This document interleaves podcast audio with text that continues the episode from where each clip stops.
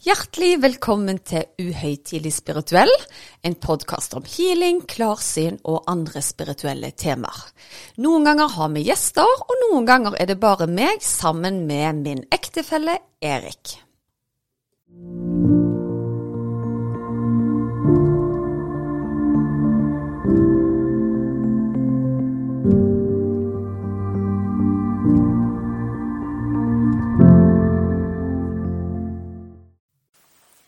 Hei, og velkommen til en ny uke og en ny prat om kjøkkenbordet.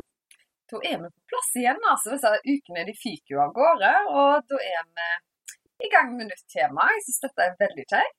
Ja, jeg syns òg det. Og så er det utrolig kjekt å få så mange tilbakemeldinger. Herlighet. Det er jo over the top, altså. Jeg, eh, vi hadde jo kanskje håpet at vi ville få en og to lyttere, men at det er så mange fra ulike grupper da, som er inne og lytter til oss, det syns jeg er helt fantastisk. Ja, Og det har jo vært målet vårt òg litt. Ikke nødvendigvis å henvende oss til kun de som har hørt dette før, men gjerne å liksom flytte streken i sanden litt. Grann. Ja, og egentlig vanlige folk som har lyst til å åpne sinnet litt og lære litt grann mer om ting utenfor boksen. da. Så eh, tusen takk til alle som har gidda å gi oss tilbakemelding, både skriftlig og muntlig, og på podkast, eh, reviewer og det som er. Og det er veldig, veldig kjekt å, å høre fra dere alle sammen. Yes. I dag så tenkte jeg vi skulle snakke om et ord som jeg har bedt meg merke i at vi har brukt flere ganger i denne podkasten, men som vi kanskje ikke har gått helt i dybden på.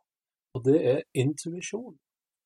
Ja, intuisjon har jo blitt et ord som jeg bruker som en del av mitt hverdagsspråk, uten at jeg kommer på å utdype det. fordi det er jo liksom bare en så stor del av meg at jeg glemmer jo egentlig å forklare hva jeg mener med det. Ja, Kanskje du kan begynne med å forklare hva du mener med det?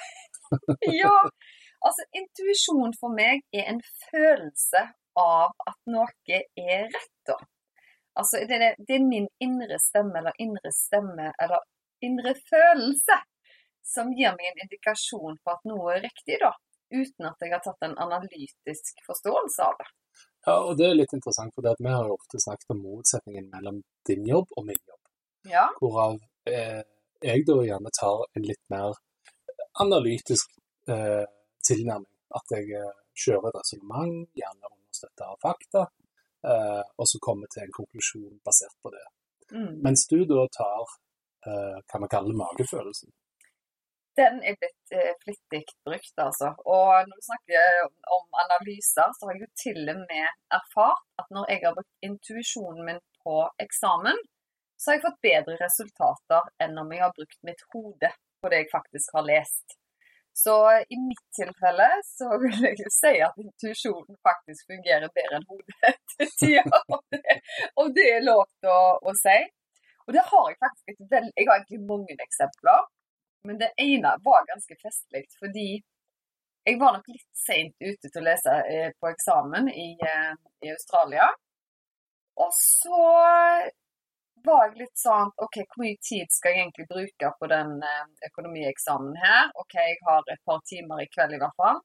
Går ut på toalettet. Jeg hadde et bad innenfor mitt soverom.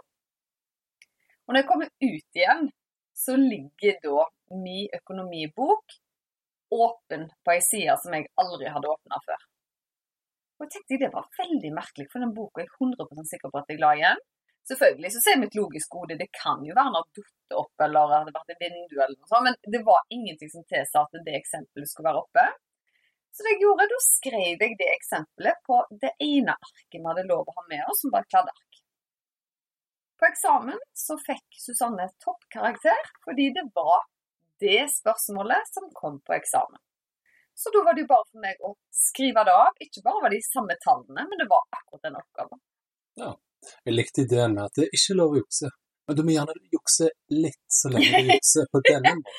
Ja, men, men jeg tror nok hele poenget med et sånt kladdeark er jo det at du skal prøve å gjøre deg notater over hva du mener er viktigst. da. Og hvis du har brukt hodet ditt skarpt nok til å gjøre deg riktige notater, så skal du få, eh, få det lille fortrinnet der, da. Så jeg tror nok det er det, de, det som er meninga. Ja. Eh, et annet eksempel er når jeg tok statistikkeksamen. Det skal være statistisk umulig å gjette seg til svarene. Jeg hadde ikke peiling på statistikk. Fulgte magefølelsen og fikk en toppkarakter. Når du snakker, så kjenner jeg at min intuisjon legger ut regler med P union med A. Statistiske ting, altså. Statistiske ting. Men når det er sagt, så har jeg alltid lest mye. altså Jeg har gjort meg opp erfaringer. altså Jeg har brukt hodet mitt i tillegg. Men da har jeg alltid fått sånne gjennomsnittlige karakterer. sånn. Ikke dårlige og ikke steinbra. Jeg har gjort det som på en måte er forventa av meg. Mens på de eksamenene hvor jeg har vært usikker, så har jeg valgt å heller tenke at nei, nå får de usynlige hjelperne bare bidra der de kan. Og da tør jeg jo mye mer å stole på intuisjonen, for jeg har ingenting å tape på det. Men de gangene jeg faktisk har lest godt på forhånd, da tørte jeg jo ikke stole på intuisjonen. Og hva om det var kapittel 8, 9 og 10 som jeg har brukt så mye tid på, som var gjeldende? Så ja. Mm. En av de første gangene jeg følte jeg eh, fikk liksom bekreftelse på denne intuisjonen eh, når jeg var sammen med deg, det var en gang jeg var og skulle hente takeaway. Eh, og du satt i bilen og venta. Så jeg gikk inn og skulle hente mannen, Og så hører jeg et enormt leven utenfor. Da er det to menn da som står i gaten og måker løs på hverandre. Og de slår på biler og alt det der. Alle biler unntatt vår. Og når jeg kommer da inn i bilen, så sier du å, vet du hva, jeg fikk bare en følelse av at det var et eller annet som kom til å skje nå. At jeg la en sånn slags beskyttelsesboble rundt bilen vår. Ja, du kan, du kan bruke Og det har jeg brukt faktisk på en episode med hunder òg. Jeg var med hjemme hos kusina mi, og så skulle det komme noen hunder, og de var ganske aggressive. Og så sier hun til meg hva pokker skjedde det? Så sier jeg nei, nå la jeg bare sånn ei boble rundt meg sjøl som skulle gjøre at jeg var litt sånn usynlig for de hundene. Jeg har aldri lagt merke til at en hund ikke ser et menneske. Det var akkurat som du var usynlig. Så den beskyttelsen har jeg eh, brukt noen ganger. Og da er det bare visuelt at jeg på en måte tegner ei beskyttelsesboble rundt meg sjøl, eh, og så får det stå til. Ja, og kanskje det er noe alle kunne prøvd litt på. Se hvis du skal inn i et møte hvor du vet at dette blir ubehagelig. Kan vi ta en sånn liten mental boble rundt deg? at La oss filtrere ut alle ubehagelige ord, så kanskje de ikke påvirker deg i så stor grad. Det tror jeg så absolutt at du kan gjøre. Det som jeg tror bare er viktig, da er litt sånn inne på The Secret som det var tidligere, det at du må faktisk ha litt tro på den bobla sjøl. For hvis du liksom i neste sekund sier denne funker jo sikkert ikke, men jeg legger den nå der likevel, så er det en treningssak å skape følelsen om at eh, nå er jeg faktisk usynlig for de hundene, f.eks. Ja. Eh, nå har deg usynlig midt i møtet, da. Ja, nei, det er jo kanskje ikke så, så lurt, da. Men nå starta jeg veldig brått på med sånne typiske eksempler på intuisjon i dagliglivet, da. Ja, altså vi var jo litt inne på hva er intuisjon og alt det der, men jeg syns det viktigste her er vel nærmest å si da at eh, eh, psykologien for eksempel, de skiller jo mellom to ting. Det er den intuitive eh, konklusjonen, og det er den analytiske konklusjonen. Eh, så vitenskapen bak det sier jo da at du vil mest sannsynligvis få en første fornemmelse av et eller annet, eller den første inntrykk, om du vil.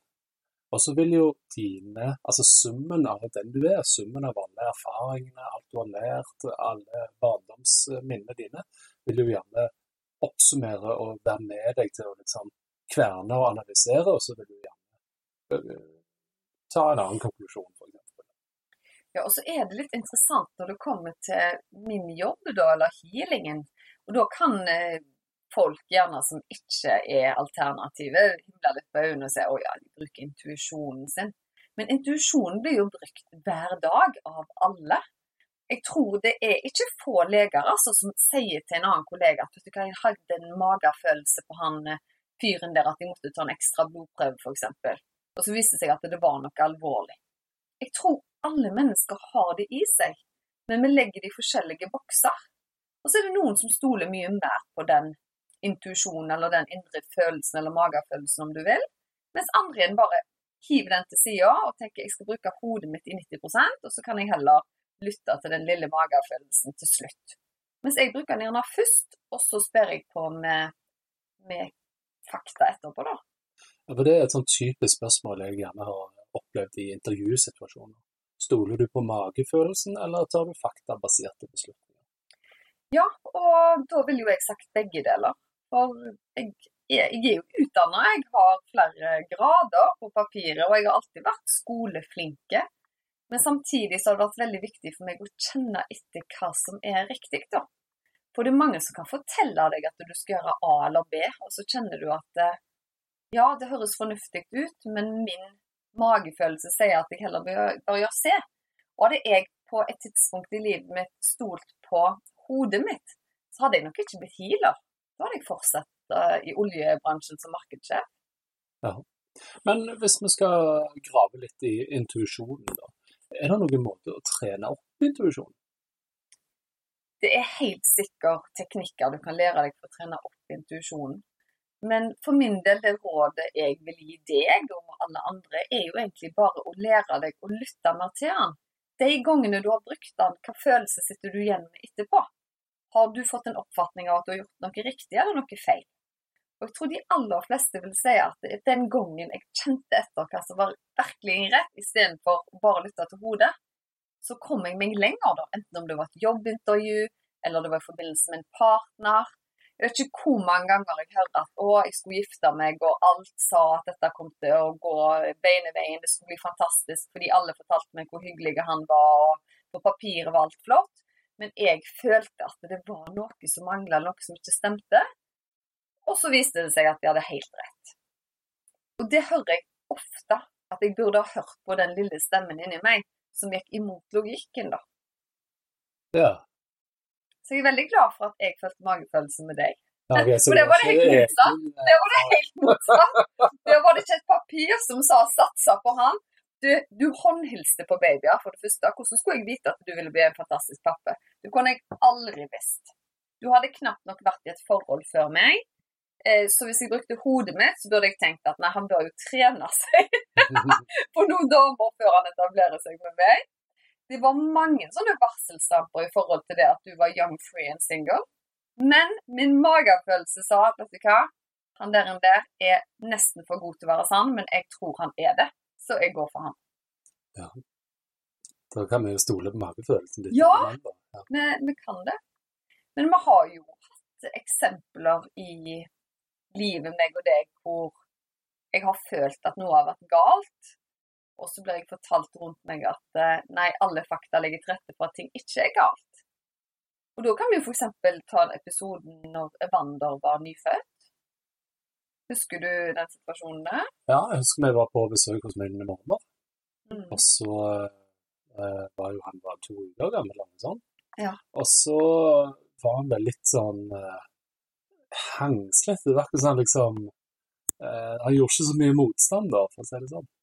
Ja, altså jeg opplevde da at uh, unge, altså en baby på to uker gjør i utgangspunktet ikke mye ut av seg så sier jeg til deg, og jeg sier det til mamma, og jeg sier det til andre, at jeg føler at Evander ikke responderer helt, og jeg lurer på om han er sjuk. Ja, det var liksom hvis du løfta armen hans, så datt han liksom bare ned. Ikke så datt han ned, men liksom, det var ikke Ja. ja. Så jeg ville ha han til lege. Kommer til legen, og de himler nesten med øynene hvor teit vi er, liksom. Den nyfødte babyen skal jo ligge sånn. Og jeg sier at jeg kjenner på meg at det er noe alvorlig galt med denne babyen, og vi blir sendt hjem. Og da er jo du en fornuftig mann, som legen har sagt at ungen er frisk, så da skal vi legge oss og sove. Eh, og jeg klarte ikke å sove, jeg lå bare overvåka denne babyen. Og dagen etterpå så syns jeg han virka enda slappere. Du var ikke enig, mamma var ikke enig. Alle rundt meg sa igjen at det er sånn å bli mor, og da er vi engstelige. Så det jeg gjorde, var at jeg ringte til sykehuset, til føden faktisk, og jeg hadde jo ingenting med føden å gjøre lenger. Og der snakket jeg med ei fantastisk dame som sa til meg det. Du er mora. Det er du som har intuisjonen på barnet ditt. Så da er det egentlig bare å ta barnet til legevakten og uttrykke din bekymring igjen. Så forteller jeg denne dama at ja, men alle rundt meg sier at denne ungen er frisk, og da syns jeg det er ubehagelig å gå ned til legevakten igjen, men hun oppmuntrer meg altså til å gå ned igjen. Og jeg tror vi var nede på legevakten en tredje gang. Og da fikk de endelig fart på seg, for da var feberen til ungen begynt å stige. Så da ble vi sendt rett på akutten. Og da viste det seg at Wander hadde en kraftig infeksjon i kroppen sin. De visste på det tidspunktet ikke hva som feilte han, men at det var noe alvorlig galt, det var helt sikkert. Jeg var selvfølgelig livredd og lurte på om denne ungen kom til å overleve, og det kunne de ikke gi oss svar på der og da, fordi at når de er så små, så kan pinnen vippe begge veier. De fikk etter hvert eh, kontroll på situasjonen, og det viste seg at han hadde fått en sterk urinveisinfeksjon. Eh, etter hvert viste det seg òg at det var noen problemer med nyra. Og vi fikk òg vist bilder hvor det viste at nyra hans var skada. Og da husker jeg sa til deg, Erik, at jeg ser jo at bildene sier at han har en skada nyre. Jeg ser jo det med mine øyne, men intuisjonen min sier at det er ikke noe galt med hans nyrer. Så hva er det som feiler meg som mor når jeg går liksom mot legene og tror ikke på det jeg ser? Men jeg aksepterte at det var noe galt med nyra, fordi at han, var så skada av denne urinveisinfeksjonen. Vi lå der noen uker, kom vi til hektningen, og så blir vi innkalt til en operasjon i Oslo. Så viser det seg altså at Evanders nyre er i skjønneste orden, men det var ei ekstra lita nyre som satt fast i den friske nyra. Ja, han hadde to friske nyrer. Han hadde to friske nyrer, men det var en tredje der som var, var bare hang og dingla alltid på seg og skapte infeksjoner og problemer. Så han hadde et ekstra urinanlegg som da ble operert ut, og gutten var frisk som en fisk etterpå. Så på det tidspunktet der så mener jeg at min mors instinkt eller intuisjon redda livet til gutten vår. da. For da var det snakk om timer. Hadde ikke han fått riktig antibiotikabehandling da, så kunne det gått virkelig galt, altså. Ja. Det er ganske utrolig. Og det er jo noe av dette her som da er medfødt, uh, religion med. Altså Hvis du ser på f.eks. dyr, så har jo de òg medfødte egenskaper. Er det intuisjon? Ja, og jeg tror det skjer noe spesielt når, med, altså når mor føder et barn, da. Om du menneske, dyr eller eh, hva som helst, så er det jo et helt spesielt bånd der. Og da er det nok noen usynlige mekanismer som spiller inn, altså. Som gjør at vi har en ekstra egenskap til å fange opp usynlige signaler, da. Og jeg tror ikke du trenger å være healer eller spesielt klarsynt for å ha det. Det er noe som ligger i mennesket. Ja, men det som du da på en måte har gjort, du har på, på et eller annet vis klart å utvide eh, gjøre, gjøre kaken større om du vil. Sånn at det ikke lenger bare morsinstinktet, men du, du stoler mer på et litt større maleri. Ja, eh, og det tror jeg egentlig bare er den egenskapen som har utvikla seg over tid. Og hvis du får mye bekreftelse på at den følelsen eller den beskjeden som setter seg i kroppen eller magen, er riktig, at du har rett, at du har den følelsen i møte med mennesker eller situasjoner, eh, og pila da peker i riktig retning, så vil du jo selvfølgelig lytte mer til den senere. Enn motsatt, hvis at du da begynner å kjenne på at 'å, jeg tror det er sånt og sånt', men hver eneste gang så får du det motsatte bevis, da vil du jo gå vekk ifra det igjen. Altså, da vil du bruke mer av dine analytiske Det tror jeg. Ja. Det tror jeg. Og der kommer jo dette med frykt inn, blant annet. Um, for jeg tror at noen har nok vanskeligheter med å skille om at det er frykten som kommer inn, eller intuisjonen. Si hvis en nær venn av meg kommer til meg og spør å, jeg er så redd for at uh, ungen min er alvorlig syk. Da er jeg veldig glad i denne personen, og da kan min frykt komme inn igjen. At jeg ikke klarer å være like intuitiv som jeg er på jobb, da, når jeg stiller meg objektive. For da er jeg redd for å si at nei, jeg tror ikke det er noe i tilfelle det er noe alvorlig, blant annet. Så, så, jeg tror jo nære relasjoner, jo kjappere er vi å ta inn følelsen frykt, da. Fordi at vi er redde, rett og slett, for utfallet. Ja, og det ser jeg jo litt med Se hvis du er lege, da. Eh, så blir det jo fort at uh, hele familien bruker deg til med reseptblokken. Mm. Men når du da er healer, så merker du at det er ikke alltid like lett å heale nære relasjoner. Nei, nå er jeg blitt veldig god på å heale nære relasjoner, men det når det kommer til intuisjon, så, så, hadde jeg i hvert fall en lang periode hvor jeg ikke likte å bruke den for, i frykten for å ta feil. Men jeg føler jeg har blitt mer trent i det siste til å lytte mer på intuisjonen. Men jeg har blitt mye flinkere til å stenge av. Så hvis jeg er et familieselskap med 40 stykker, så går ikke jeg inn og kjenner på om alle er dårlige eller har det vondt eller den biten der. Eh, det kan være ganske utmattende, altså. Men jeg har nok lært meg til at eh, i relasjoner med gode venner hvor de ønsker min mening om en sak, så må jeg lytte til det første som kommer inn i hodet. For det er ofte intuisjonen. Men hvis jeg begynner å stille meg selv spørsmålet hva om hvis at det, da, da er det ikke lenger intuisjon. Da er det ofte frykt. Men går det på Se hvis du møter en ny person. Uh, går det litt på liksom at uh, du kan tenke at «Å ja, dette er en genuint hyggelig person? Er det sånne ting du får opp, f.eks.? Ja, det kan det absolutt være òg. Og det er ikke få ganger i livet mitt at jeg har møtt kjempehyggelige personer som er både flinke og dyktige i jobbsammenheng. Alle papirene viser at de er Mr. Perfect. Og så har jeg skygga banen fordi intuisjonen min sier at disse her har ikke rent mel i posen. Og jeg var veldig naiv i starten og hva skal jeg si, jeg satte den følelsen til side. At jeg kan ikke ha rett i min følelse, for alle andre syns jo denne personen har vært helt fantastiske. Men gang på gang så har det vist seg at den intuisjonen er rett. Så i dag, i møte med mennesker som gir meg en litt sånn negativ klump i magen, så er jeg blitt mer på vakt. Det må jeg si. Men jeg merker jo liksom sånn, hvis jeg skal dra det til min verden, da, så kan det jo ofte være si en intervjusituasjon hvor du intervjuer potensielle ansatte. da. Eh, hvor eh, du òg ser liksom alle papirene er i orden, men magefølelsen var ikke helt rett. Ja, sant? Og så er det andre igjen som bare har, eh, liksom kommer med entusiasme og alt det, og så tenker du at yes, det var liksom full, full match. Ja, for vi, vi kan veldig ofte kjenne på energien til, til mennesker. Om at de er gode eller dårlige.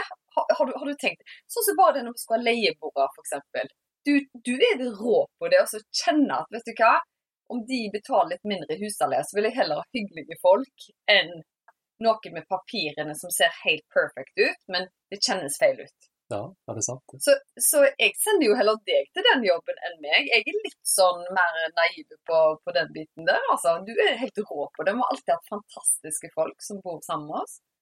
Ja. Men det som jeg syns, hvis vi drar det tilbake til forrige gang, når vi snakket om guider og dette her, er det guidene som gir oss beskjeder i forhold til intuisjon? Henger det sammen med noe? Absolutt. Jeg tror at guider gir oss veldig mye informasjon. Og Jeg har jo snakket om tidligere at vi skiller mellom hjelpere, som gjerne er avdøde slektninger, guider, og magefølelsen kan jo ofte, eller intuisjon om du vil, kan være en kombinasjon av dette. da. Og så fikk jeg et veldig godt spørsmål fra en lytter som sa men hvordan vet jeg at det, det faktisk er en guide eller en hjelper, og ikke bare min ønsketenkning? Og Det syns jeg var et veldig godt spørsmål i forhold til dette med intuisjon. Fordi jeg sjøl har stilt meg det spørsmålet tusen ganger. Men det jeg vil si da er Dette blir jo selvfølgelig annerledes hvis du sitter og mediterer og har på en måte fokusert veldig på den kontakten. Men i det vanlige livet, hvis det er noe som har poppet inn i hodet ditt som ikke er logisk at du skal tenke på Et alternativ, et eksempel er på jobb i dag, så er det en klient som får besøk av sin avdøde far. Og så hører jeg bare i hodet mitt Si tre. Så sier jeg ja, men da sier jeg tre. Pappen din sier tre. Og det ga jo ingen eh, si, informasjon til meg utover det treet. Så sier hun mener du tallet tre? Jeg bare nei, han viser meg et tre. Eh, og så sier hun det at ja, men det forstår jeg veldig godt, fordi han planta et tre før han døde. Og jeg føler meg veldig nær han når jeg er med det treet. Så, så det er jo på en måte, om det er en sterk intuisjon, om det er han som kviskrer meg i øret, det er det jo ingenting vi kan dokumentere på fakta. Men for meg så spiller det jo egentlig ingen rolle om det er min magefølelse som viser meg dette treet, eller om at det er han som faktisk hvisker det i øret, da. Om det skjedde i dag? Ja, For jeg lagde en powerpoint på jobb i dag hvor jeg hadde et frø Nei, som spira og ble til et tre. er det sant? Ja, Ja, det skjedde faktisk i dag. Okay, En kjempeskjønn eh, dame som var veldig fornøyd med, med podkasten nå, så jeg skal fortelle henne nå at jeg har nevnt henne på podkasten. Men det var jo litt gøy, da. Ja. Eh, og eksempler for min egen del da, er det at jeg noen ganger blir litt overraska over svarene jeg får. Si eksempel at du OK, nå for eksempel jeg henvender meg til min far da, som er død. Og hvis jeg tar meg sjøl i ikke like svaret, Noen ganger så skjer det. Da vet jeg 100 sikkert at dette her er ikke min ønsketenkning, i hvert fall. Dette her er ren beskjed eller en sterk intuisjon, om du vil. Så hvis du skal øve deg, så anbefaler folk å teste det litt ut. Er det bare drømmesvarene du får hver gang? Men lytter du virkelig etter det som blir sagt, eller peiler du det inn på det du vil at de skal si? Så det er en sånn treningssak, da. Ja, jeg ser den. Så hvis du bare, hvis du bare får de kjekke svarene, så må du øve deg mer. Ja, jeg, jeg, jeg, tror egentlig det, altså. Og veldig ofte så kan vi jo kjenne oss igjen litt sånn Ja, men faren min vil alltid svare på den og den måten. Men noen ganger så blir du litt overraska over, over, svarene. Og jeg har jo tidligere fortalt at når jeg ser min far, blant annet, så hadde jo han mørkt hår og brune øyne. Men de gangene han kommuniserer med meg, så har han av en eller annen merkelig grunn blå øyne. Men da får han jo oppmerksomheten min. Da er det litt sånn OK, hvis jeg skulle hente inn et sånn bilde av min pappa, at han sitter og snakker med meg, så hadde jeg jo henta han inn med mørkt hår og brune øyne. Jeg hadde jo ikke hatt en sånn fantasifar med blå øyne. Men hvordan vet du da at det er han? Fordi, det, fordi jeg kjenner følelsen av pappa, for det første. Det neste jeg kan kjenne er lukta hans. Og han er helt lik av utseende. Det mentale bildet jeg får av han er sånn som pappa så ut. Men bare at han får noen veldig blå, lysende øyne. Men nå er jo jeg mer trent enn dette her enn gjerne gjennomsnittet. Eh, så, men det er jo absolutt en prosess, hele greiene, altså. Ja. Men eh, jeg vil bare anbefale folk å øve seg litt. Still spørsmål som du ikke vet svaret på sjøl. For hvis vi vet svaret, da er det jo litt sånn umulig å vite om at det er intuisjonen eller en guide som pisker deg i øret, altså. Ja. Jeg husker jeg var hos en eh, coach en gang. Ja. Og der skulle jeg stille meg opp. Jeg husker ikke om det var på ett bein eller et annet, men uansett. Jeg, skulle, jeg husker ikke helt øvelsen, men hun stilte meg spørsmål, og så sto hun på siden og så på meg.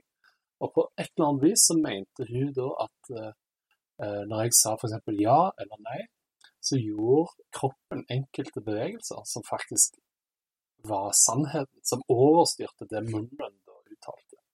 Så hun kunne faktisk analysere om du løy, eller? Ja, for la oss ta et eksempel. Ja. Trives du i jobben du har nå? Ja, sa jeg, ikke sant? Og så, Og så bare rister Ja. på hodet. Men men det blir vel på sånn tolkning av kroppsspråk, da, eller? Ja, mest sannsynlig. Dette er mange år siden. Ja, ja. 100 år siden. Ja, nei, men, men jeg, jeg ser den. Eh, og så tror jeg ikke det er et fasitsvar på dette her med hva er egentlig intuisjon. Jeg tenker Uansett så skal vi jo benytte de ressursene vi har, som peiler oss i riktig retning, da. Og gjerne ikke være så opphengt i på om ok, er det guiden min, hjelperen min, eller er det Gud som snakker til meg nå. Det har jo egentlig ikke så mye å si, så lenge de gir deg eh, en pekepinn. Ja, og der er du inne på noe som eh, Jeg pleier å bruke dette ekorneksempelet med. At Ja. prøver å lokke ekornet fram.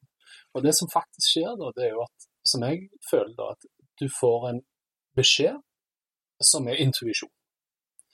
Men så begynner alle de analytiske evnene å kverne på og forkludre den beskjeden med toget, og så springer ekornet inn i hulen. Og så må du starte på nytt. Vet du hva, det, det er helt korrekt det du sier. Og jeg tror det er så mange som vokser opp og går med en drøm i magen at eh, å, jeg har lyst til å bli kunstner.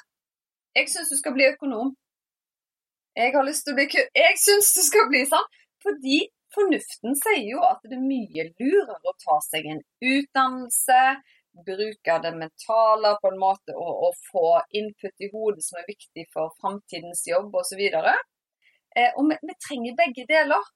Men jeg tenker, har du en veldig sterk indre kraft om at jeg er på feil hylle, så er det kanskje på tide å lytte til den stemmen og gjøre noe annet. Og hvis du føler deg veldig ulykkelig i den situasjonen du er, så tror jeg gjerne at du skal begynne å lete litt innover om det er noen som prøver å dra deg i riktig retning. Da, altså. Mm. Så moralen i dag det er prøv å lytte litt ekstra til intuisjonen, og prøv å tone ned de analytiske støyen på si, kanskje. Kjenn etter hva som føles rett. Og så skal du selvfølgelig bruke hodet ditt i tillegg. Det er vi helt nødt til. Men jeg tror veldig mange mennesker kan bli et hakk bedre utgave av seg sjøl hvis de bruker hele spekteret sitt. da. så kan du krydre dagen med hvis noen spør deg et eller annet, så svar ja òg, fremfor nei, men. Og se hva som skjer. Ja, vet du hva det er. Det er halleluja til den, Erik. OK. Jeg lurer på om vi skal strekke, sette strek for sendingen i dag. Veldig kjekt å bruke tid med deg igjen. Og du har veldig pene brune øyne, så når du blir 100 og du forhåpentligvis dør før meg, så kan du godt vise deg med brune øyne, altså. Ja, ja, jeg skal søke intuisjonen min sier. ja. Husk å legge oss til på Instagram, folkens, at Healer-Susanne. Og veldig viktig, still oss spørsmål nå på web, enten på e-mail eller via Instagram. For om to episoder så vil vi besvare alt dere måtte lure på. Om det er spirituelt, eller om det er meg og Erik, eller hva dere vil vite. Alt, faktisk. Alt, ja. OK, takk for i dag.